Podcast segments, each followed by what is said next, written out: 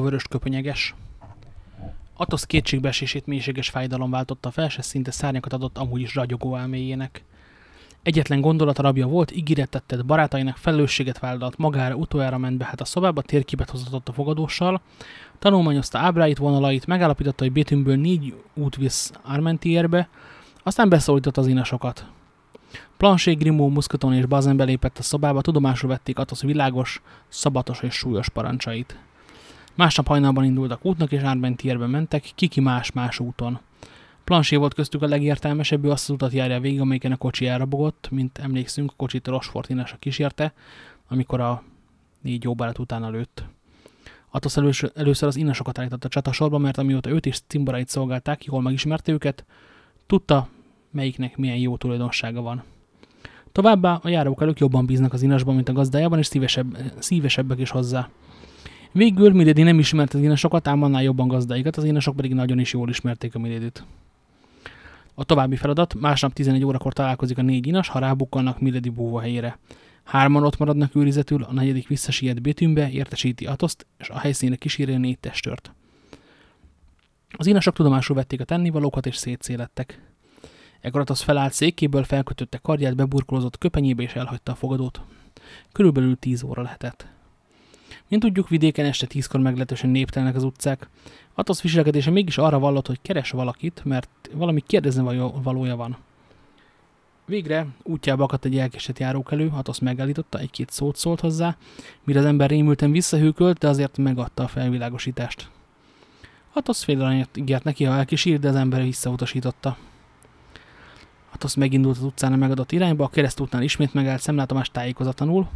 Mivel azonban a keresztútnál mégiscsak könnyebben eligazítják az embert, mint egyébütt, úgy döntött, itt várakozik. Néhány perc múlva csak ugyan jött is arra egy éjjeli őr. Atosz ettől is megkérdezte ugyanazt, mint az előbb egy járók előtől. Az éjjeli őr szakaszt ugyanúgy megrémült, ő sem vállalkozott rá, hogy elkísérje, csupán a kezével mutatta, merre menjen. Atosz megindult arra felé, és egy külvárosba jutott, éppen szemközt azzal a városrészsel, ahol ő maga a cimboráival Bétűnbe ért. Megint tájékozatlanul és nyugtalanul nézett körül, és harmadszor is megállt. Szerencsére arra jött egy koldus, és odalépett hozzá a mizsnáért.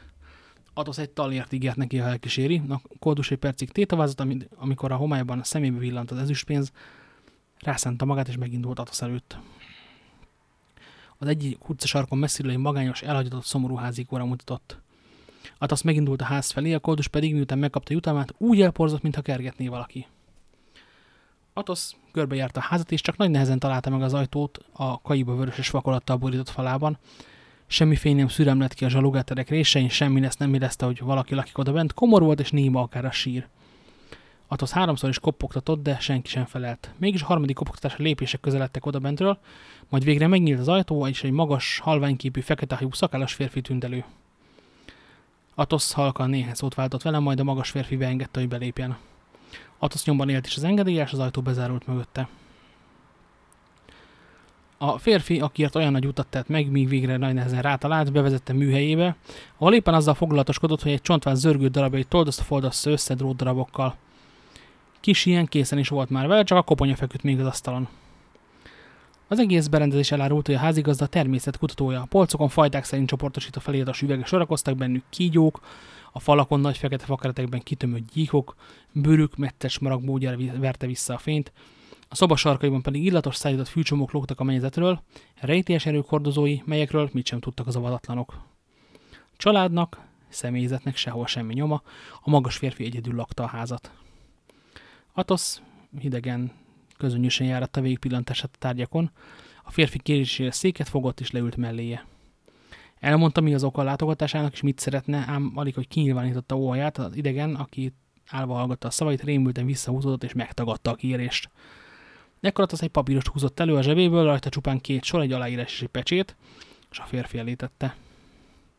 Mint kiderült, annak túl korai volt a vonakodása, mert alig olvasta az írást, alig, hogy meglát az aláíró nevét és pecsétjét, meghalolva jelezte, hogy nincs ellenvetése, már is engedelmeskedik. Atasz ezúttal többet nem is kért, felkelt, elköszönt és eltávolodott, majd ugyanazon az úton, amelyiken jött, visszatért a fogadóba és a szobájába bezárkózott. D'Artagnan korahajnalban bekopogott hozzá és megkérdezte. Most mit csinálunk? Várunk, válaszolta Atasz.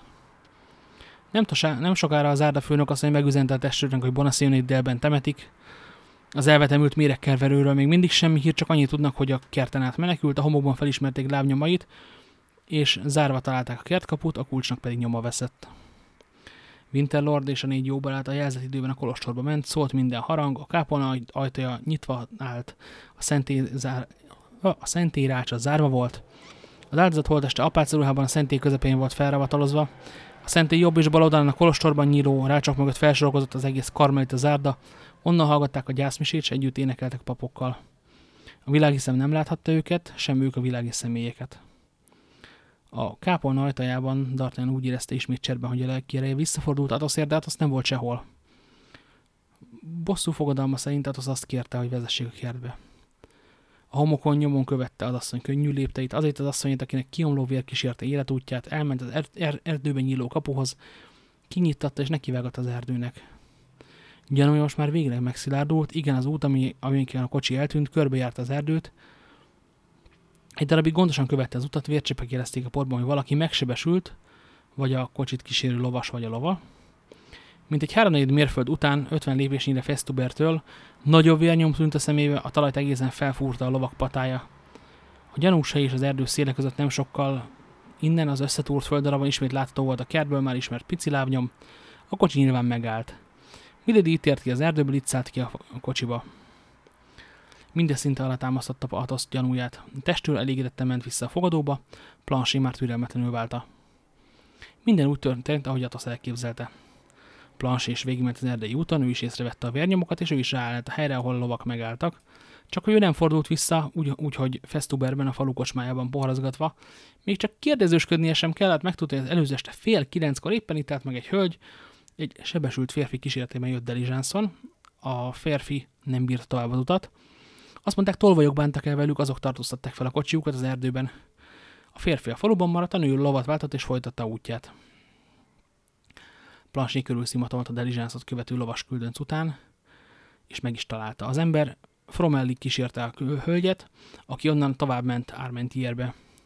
Plansé torony iránt nekivágott, és reggel hétkor Armentierbe ért. A városkában csak egy fogadó van, a postafogadó. Plansé azt mondta, állástalan iras és gazdát keres, Tíz percig sem beszélgetett a fogadó személyzetével, már tudta, hogy tegnap este 11-kor egy magányos nő érkezett a házba, szobát foglalt, hívatta a fogadóst, és azt mondta neki, hogy egy ideig a környéken akar maradni. Blanchinak több sem kellett, megbeszélés szerint rohant a találkozóra, pontosan a helyén találta a három inast, őrségbe állította őket, hogy tartsák szemmel a fogadó valamennyi kijáratát, majd Athoszhoz sietett, éppen végzett jelentésével, amikor a másik három testre is betoppant. Arcuk dúlt volt és sötét, még Aramis szelid arca is. Most mit csinálunk, kérdezte D'Artagnan. Várunk, válaszolt Atosz. Kiki ismét a szobájába tért. Este nyolckor Atosz parancsot adott, nyergéljenek fel, üzent Winterlordnak meg barátainak, készülődjenek, kezdődik a harc. Egy pillanat múlva készen álltak mind az öten, megvizsgálták és megtöltötték fegyvereiket. Atosz jött le utoljára, D'Artagnan már a nyerekben ült és türelmetlenkedett. Türelem, szólt Atosz, még hiányzik valaki.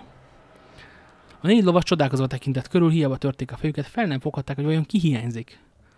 Plansé most vezette elő Atosz lovát, a testő nyerekbe szökkent. Várjanak, mondta, mindjárt jövök. És elvágtatott. Negyed óra múlva csak ugyan visszajött, egy állatszos férfi kísérte, a férfi alakjára bő, vörös köpeny borult. Winterlord és három testőr kérdő egymást tekintett, de egyik sem világosította fel a többieket, egyikük sem tudta, ki lehet a férfi. Aztán arra gondoltak, jól van, ahogy van, ha egyszer Atosz így akarja. 9 órakor útnak indult a kis lovas menet, a kocsi útját követték, plansé vezette őket. Hat férfi némán ügetett, kiki elmerült gondolataiban, zordon alakok akár a kétségbesés. Sötétek, mint a bosszú, szomorú menet.